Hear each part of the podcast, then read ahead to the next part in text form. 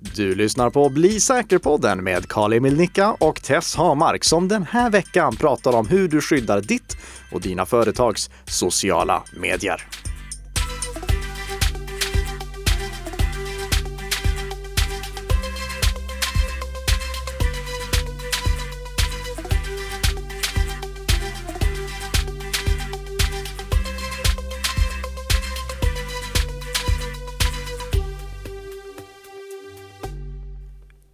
Ja, varmt välkomna tillbaka till Bli säker-podden som produceras i samarbete mellan Nika Systems och Bredband2 och eh, anordnas och pratas av, pratas av, kan man säga så? Absolut, ja. det tycker jag. Två stycken bekanta personer, det är Karl Emil Nika och Tess Amark som sitter bakom mikrofonerna som vanligt. Två röster som du förhoppningsvis känner igen vid det här laget för att du varenda fredag morgon hör våra röster på vägen till jobbet. Men om du inte gör det så prenumerera på podden så ser vi till att göra dig lite säkrare för varje vecka som går. Eh, när du vaknade i, eh, i, måndags Tess, mm. då hade det droppat en stor bomb i nyhets-Sverige får vi ju säga. Ja men precis, för Socialdemokraternas officiella Twitterkonto hade ju blivit kapat. Mm. Eh, och de twittrade ut eh, ja, eh, allt ifrån en like är lika med en död muslim eh, mm. och sådana så extremt rasistiska saker eh, till eh, påståenden som egentligen kan vara marknadsstörande. Till exempel att eh, eh, Stefan Löfven skulle avgå.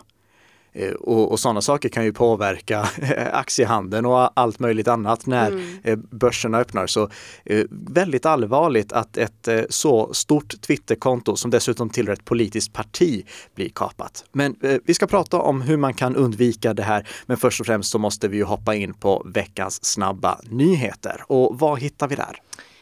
Um, jo men det är ju det här det amerikanska företaget Avanon, kanske man säger, mm. eh, har analyserat 55 miljoner mejl och kommit fram till att vart 99 mejl är nätfiskemail.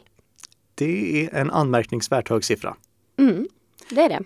Och ännu, an, ännu mer anmärkningsvärt än faktumet att det är så här mycket nätfiskemail som florerar, eh, som framförallt försöker fiska eh, inloggningsuppgifter och liknande, eh, det är att vart fjärde mejl slinker igenom Office 365s normalkonfigurerade filter. Mm. Får du mycket nätfiskemail? Ja, absolut. Och det är någonting som jag får. Alltså, det, nu har de ju delat in också i så primära och ja, övriga mejl. Mm. Och jag får ju nätfiskemail dagligen. Du, du får Även det? I, ja, ja, det får jag. Uh, och vad brukar du avslöja de nätfiskemailen på? Eh, dels eh, URLen eller eh, avsändar-e-posten kan man ju säga. Mm. Eh, men sen även om man kollar liksom själva mejlen så ser man oftast en URL som kanske inte riktigt känns. Nej, precis, ja. en, en länk eller en ja. adress som leder till någonting helt felaktigt. Precis.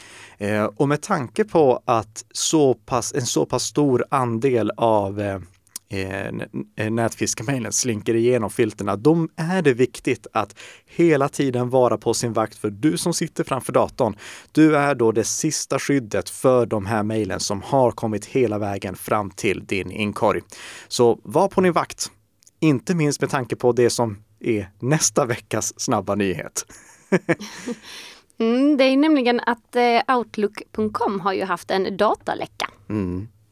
Eh, mycket tråkigt att se. Ehm, Microsoft har mejlat de personerna som är berörda och meddelat att på grund av att ehm, en supportmedarbetares inloggningsuppgifter hade hamnat på avvägar så kunde bedragare komma åt bland annat eh, eh, ämnesrader på mejl som hade kommit, adresser på personer som hade mejlats med men inte innehåll i mejl, alltså eh, texten i mejlen eller eh, bilagor som fanns till mejlen. Eller det var åtminstone det vi trodde i söndags. Mm.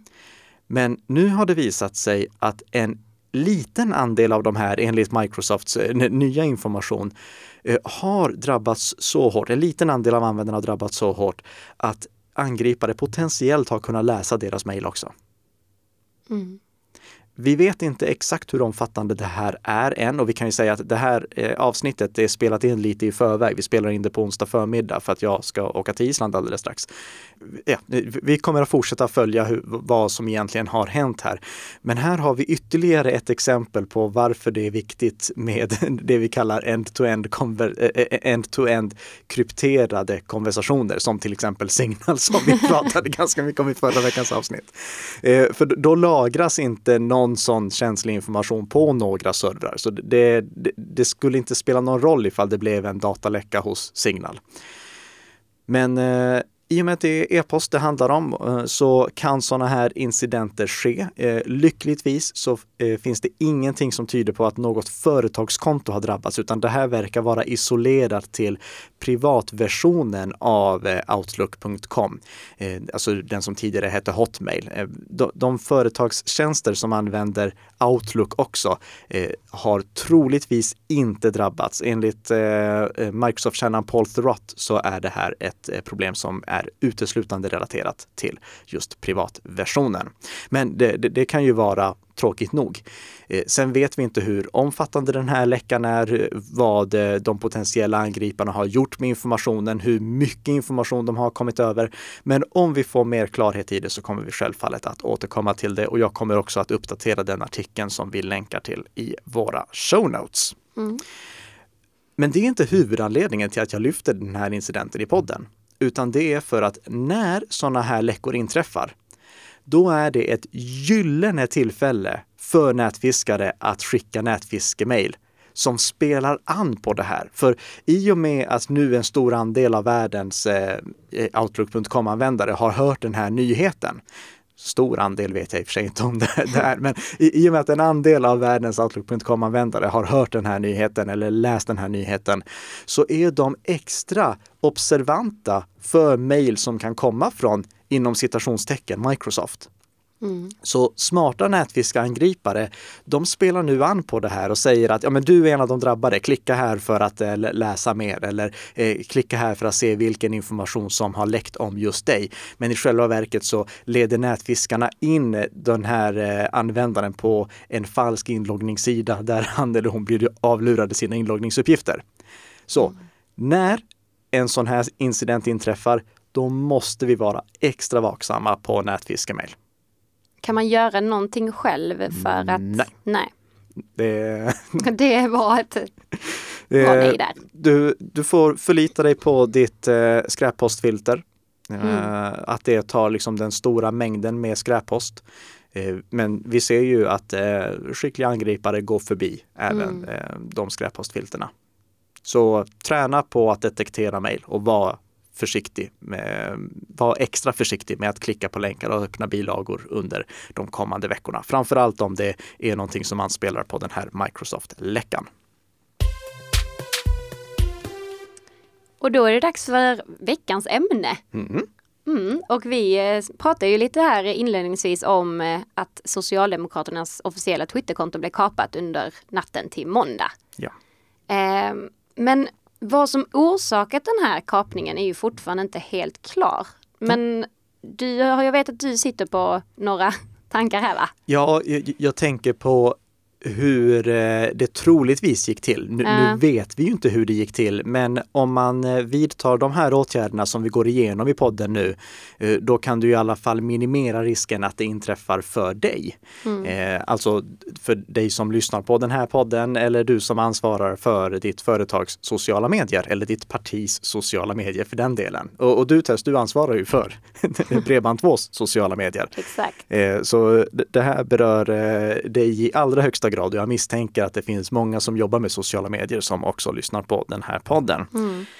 Eh, vad, vad, tror du är det första jag skulle rekommendera alla att göra när de har hand om ett kritiskt sociala mediekonto? Eh, att aktivera tvåstegsverifieringen. Det stämmer alldeles ypperligt slå alltid på tvåstegsverifiering. Vi kommer ha ett helt eget avsnitt om tvåstegsverifiering också. Men det är kort och gott att du har din mobiltelefon och en app i mobilen som till exempel Google Authenticator eller Authy som är den jag brukar använda. Och den mobiltelefonen genererar en sexsiffrig kod som är tidsbestämd. Den gäller bara i 30 sekunder.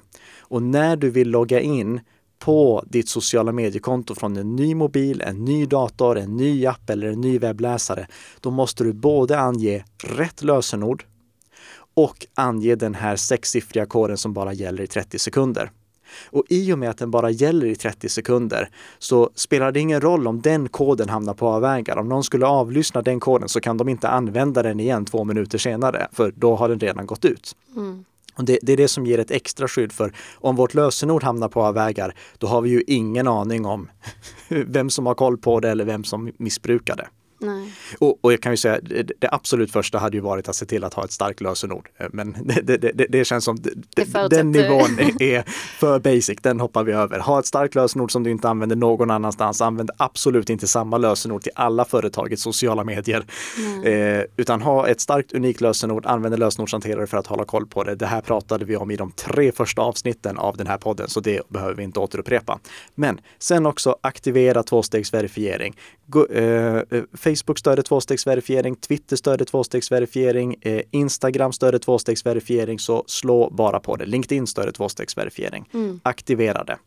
Och det här gäll, eh, den här incidenten den var ju då just på Twitter. Och på Twitter så kan du välja mellan flera olika tvåstegsverifieringsmetoder. Vi kommer gå in på det här i eh, avsnittet som vi dedikerar till tvåstegsverifiering. Men du kan välja mellan flera olika modeller. Du kan antingen använda, eller metoder ska jag säga. Mm. Du kan antingen använda sms, det är bättre än inget. Eller så kan du använda den här Google Authenticator-modellen. Eh. Bara så här snabbt här, vilket är det du skulle rekommendera? Det är det senare eller?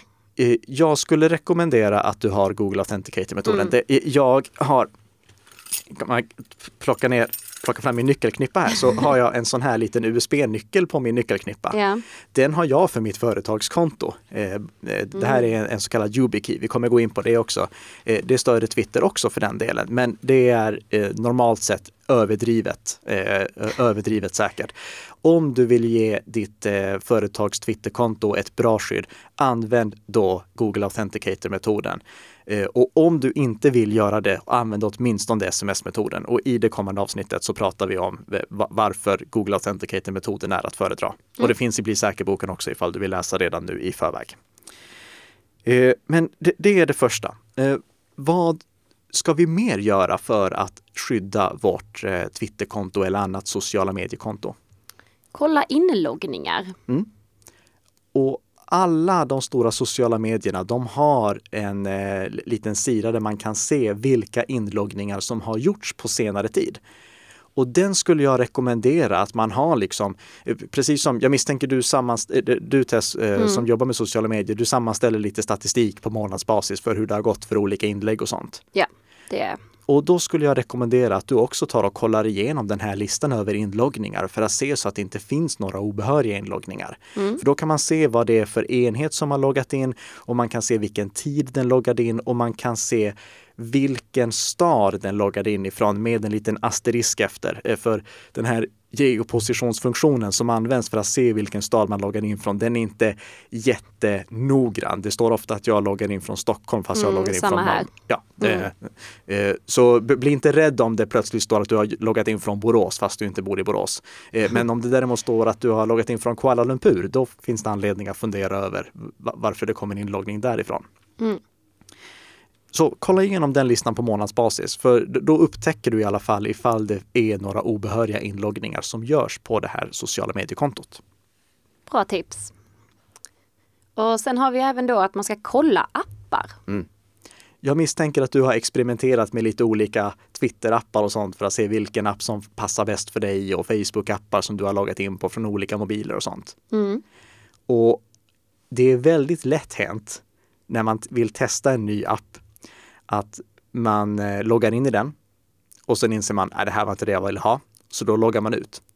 Men då kan fortfarande kopplingen till det kontot i den appen eller konto, eh, kopplingen mellan konto och app ligga kvar så att eh, det går att logga in på nytt via den här appen utan att återange lösenordet. Mm. Så kolla också igenom listan över olika appar som har tillgång till ditt sociala mediekonto eller ditt företags sociala mediekonto. Och hittar du appar där som inte ska ha tillgång, välj att ta bort deras tillgång. Mm. Och sen har vi då nummer fyra här. Eh, ställa in sociala medieverktyg. Mm. På eh, företag som har många eh, olika sociala mediekanaler och som har många medarbetare som jobbar med sociala medierna. Det kanske är så att det sitter både en kundtjänstavdelning och en marknadsavdelning och jobbar tillsammans med de här olika sociala medierna.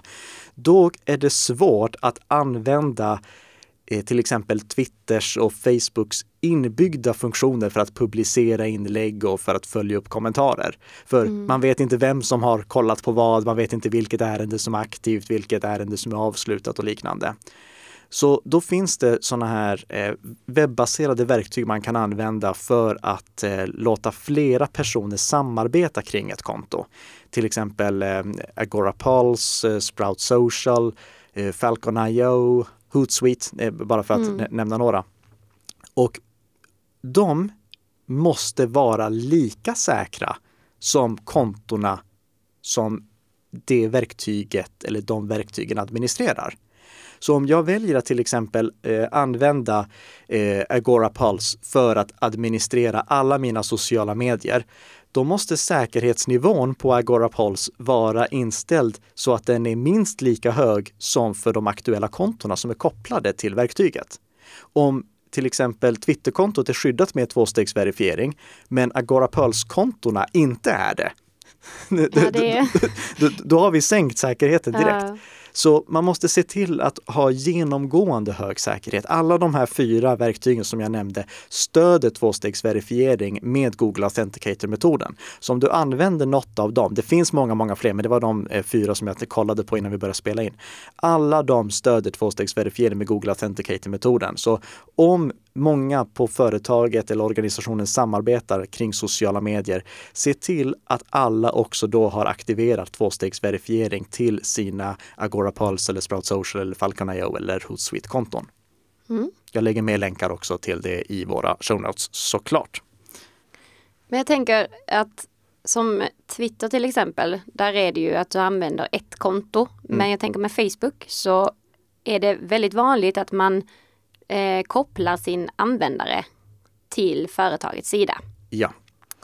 Eh, och då blir det ju genast lite, vad säger man, lite mer riskfyllt mm, att bli kapad och att någon annan eh, Facebook ser det ju som att du är en riktig person, inte en användare, utan du är en riktig person och du som riktig person jobbar på det här företaget. Mm. Och så kopplar man administrationsrättigheterna till dig som person. Och den modellen eh, inte, jag har svårt för den. Eh, för att jag tycker inte att man kan se sig som en person i alla sammanhang, utan man är användare på nätet. Men eh, åtminstone Facebook har valt det och det är inte någonting vi kan göra något åt. Det är så Facebook fungerar. Ja. Eh, men det innebär då också att om du använder ditt privata konto för ditt privata Facebook-konto för att administrera företagets sociala medier så måste du absolut se till att ha tillräckligt hög säkerhet på ditt privata sociala mediekonto. Se till att du har tvåstegsverifiering aktiverat så att du både behöver ett lösenord och du behöver en sån här app som genererar en sexsiffrig kod för att logga in. För du blir ju en väldigt riskfylld bit mm. i företagets säkerhet. Du, du som privatperson blir det. Och jag tror inte det är så vanligt heller att man går igenom det när, om, om man nu börjar mm. och ska liksom kopplas på när det är flera andra som kanske också jobbar med sociala medier. Mm. Så går man kanske inte igenom den här säkerhetsrutinen. I, va? Jag tror inte att det är så vanligt.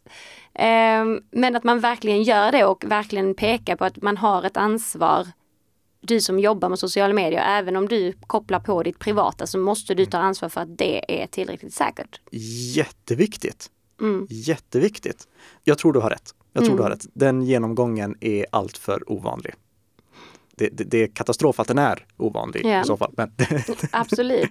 Eh, så kom ihåg, det, när du använder dina privata konton så följer hela företagets säkerhet med. Och liksom, jag kan bara föreställa mig hur illa det skulle bli ifall eh, någon lyckades kapa till exempel ditt privata konto och sen använder det för att publicera saker på Bredband2s webbplats. Mm, ja, men precis. Det, ehm, eller för den delen, kapa mitt privata konto och publicera ja. saker på Nika Systems. Det når inte ut lika mycket men ändå. Det är eh, hemska tanke. Hemska tanke. Verkligen. Så se till att skydda de privata kontona och tänk på det också att om du har ditt privata konto kopplat till ett företagskonto så ska du inte experimentera med alla möjliga Facebook-appar som dyker upp. Du ska inte använda ditt privata Facebook-konto i lika slarviga sammanhang inom citationstecken som du annars hade gjort. Det var restriktiv med vilka appar du använder och tänk på när du loggar in med Facebook att dina Facebook-inloggningsuppgifter skyddar mer än bara ditt Facebook-konto. Eh, och sen avslutningsvis så eh, vill jag poängtera en sak till. Och det är att vi har sett för många incidenter där Twitterkonton har kapats.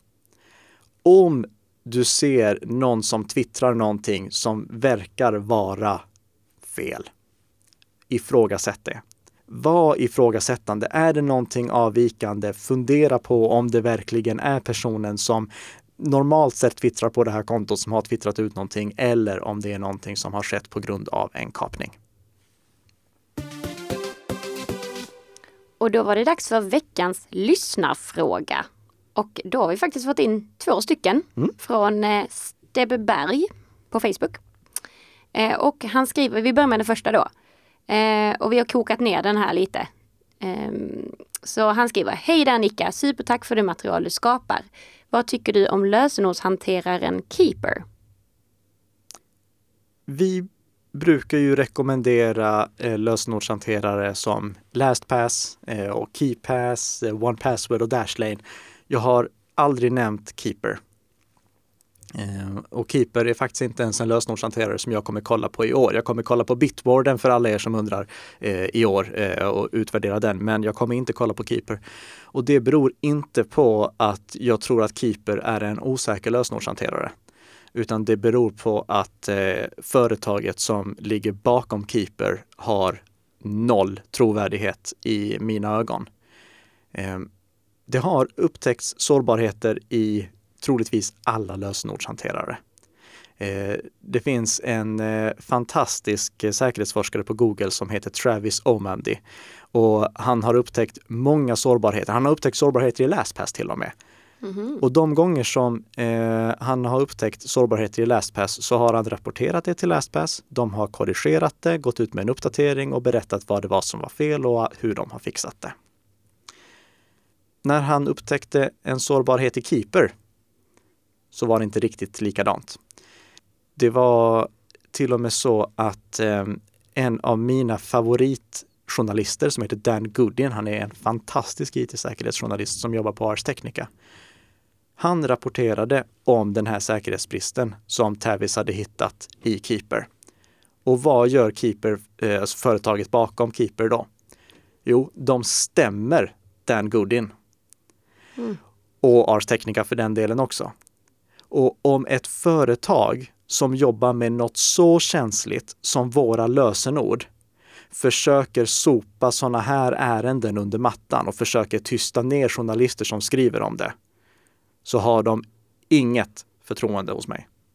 Med det sagt så är inte Keeper kanske en dålig lösenordshanterare. Jag har ingen aning, men med på grund av det företagets agerande att stämma journalister som rapporterar om säkerhetsbrister när företaget bakom egentligen bara borde göra som LastPass gjorde, att säga oj, det här var inte bra, vi fixar det.